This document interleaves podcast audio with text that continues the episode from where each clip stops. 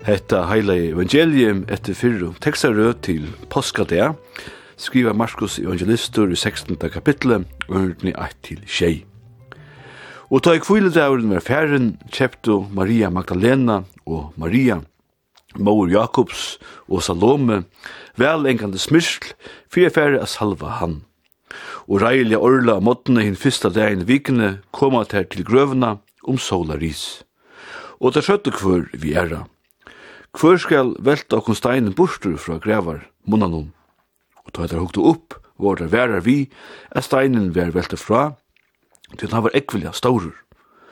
Og ta får inn i grøvene og så en unga mann siden til høyre megin syjon, kvut og klævon, og ter rattost. Men han sier vitt her, reist ikkje til leite etter Jesus i Nazaret hinn krossfesta. Han er risen opp, han er ikkje her. Hitje her er staveren, her som tar løtt og han. Men færre sted, sier vi lærersvenner hansara og vi Petor, han får undantikken til Galileo, her skulle til suttje han, såleis som han har sagt tikkun. I morgen er påska dævor. Dævoren tar vi høyra at Jesus som er menneska, men Guds sonur, reis opp fra deion.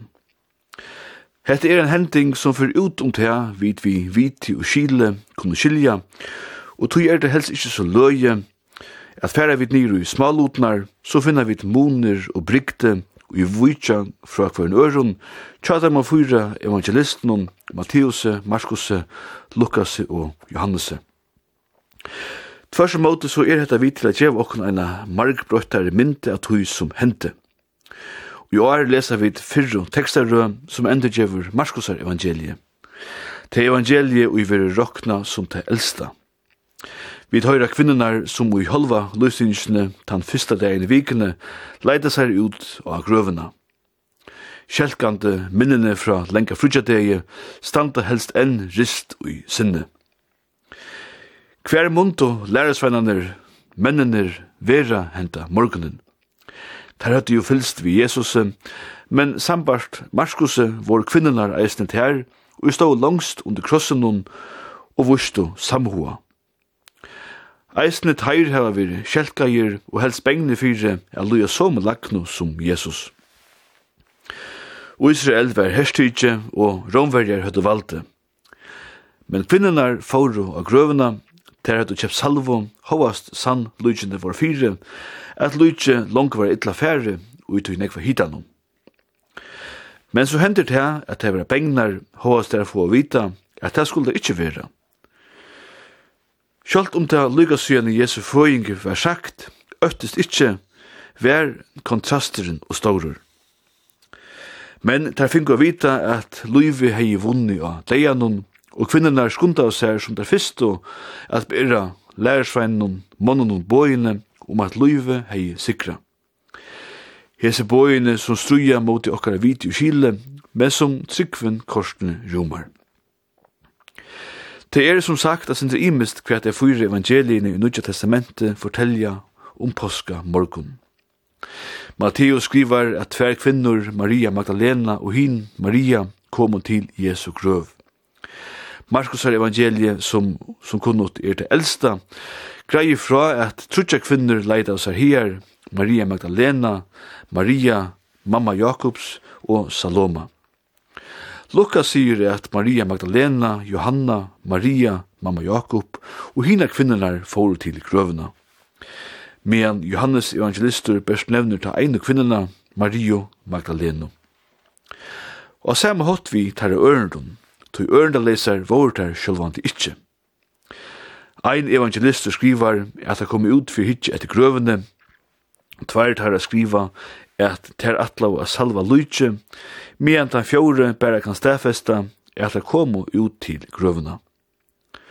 Og medan Matteus forteller okkun at ein angel kom og flutte steinen borte fra munnanon, sier hine trutjer at grøven langt og vær tom.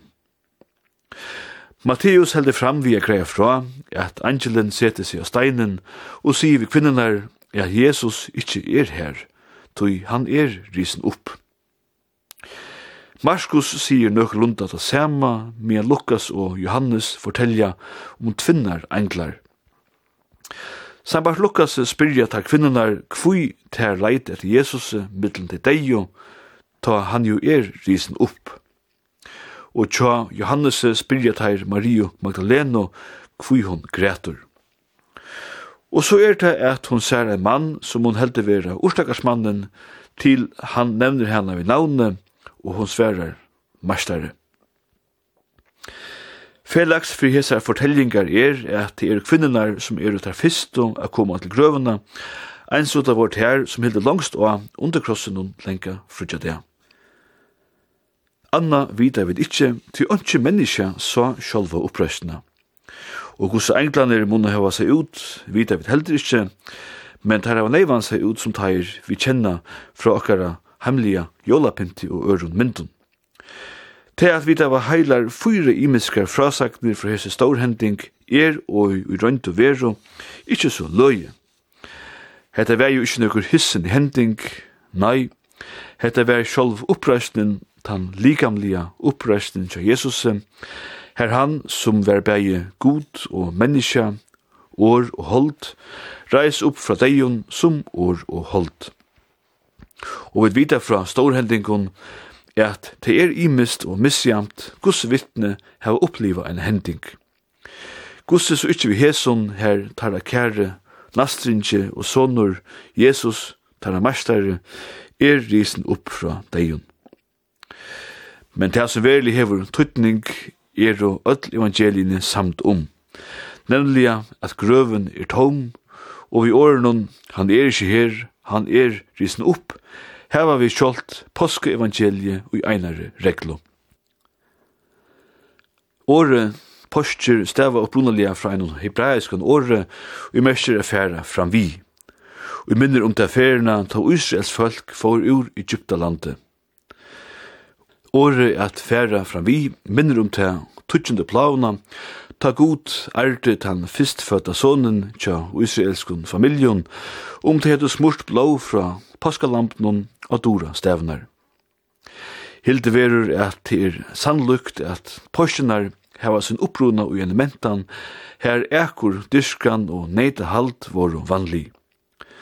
Påskehøgtøyen var upprunalega bei en tempel og en familjehøgtøy, men ta i tempelet var og lagt i åren og halvfjers, var talan bær om eina familjehøgtøy tja jødun. Annars er kjeldu tilfæri ikkje no rikosmykje at det ber til å sige noe greinlige, gus lengt fyri kristi føying jødar hava hilde postjer. I fondkirkene har de hilde til kristne kvønn herrans dag, til å sige kvønn sunnodeg, til minnes om oppreisene. Så gjerne ble hesten hvor avsetter er være hilden kvørst og er sunnodagen etter jødiske påskehøgtøyna. Det vil sija etter ena fjørde dia drikva første og 50 dier fire kvidosunno. I fondkirstene enda i dopsundervisningen og påskun. Tei og jo henda hot hadde finnje innlit ut av kristne lærerna, høttu vøku nott, påska nott, og var så igjen døpt, orla, av påska måttene. Etter hetta tog det så lot av fyrsta sinne vi alt er båre saman vi hinon og kyrstjo linon. Vi delte kvöld vi salme 211 i salmabotsene Påska blóma kvært vil tjo.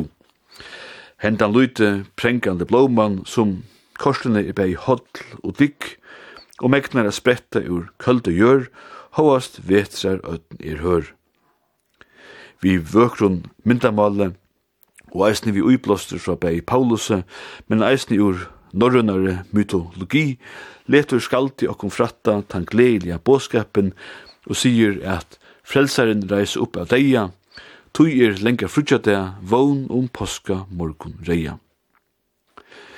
Ischingen er parstri av en større verskje i trimon, tattun, som grundvik letur håndun, og som Axel Torger føreskaje og farleie stien gav ut i 1905. Ersingen tja Grundtvig var fyrste fyrir almanna kunngjørd i Arnum 1816 og atur vidgjørd i 1835. Axel Torger omsette salmen i 1903. Og i kvöld høyra vi tå opprunna utgavna som musika fikta synkur på holten stjøtnar gledeligere postur.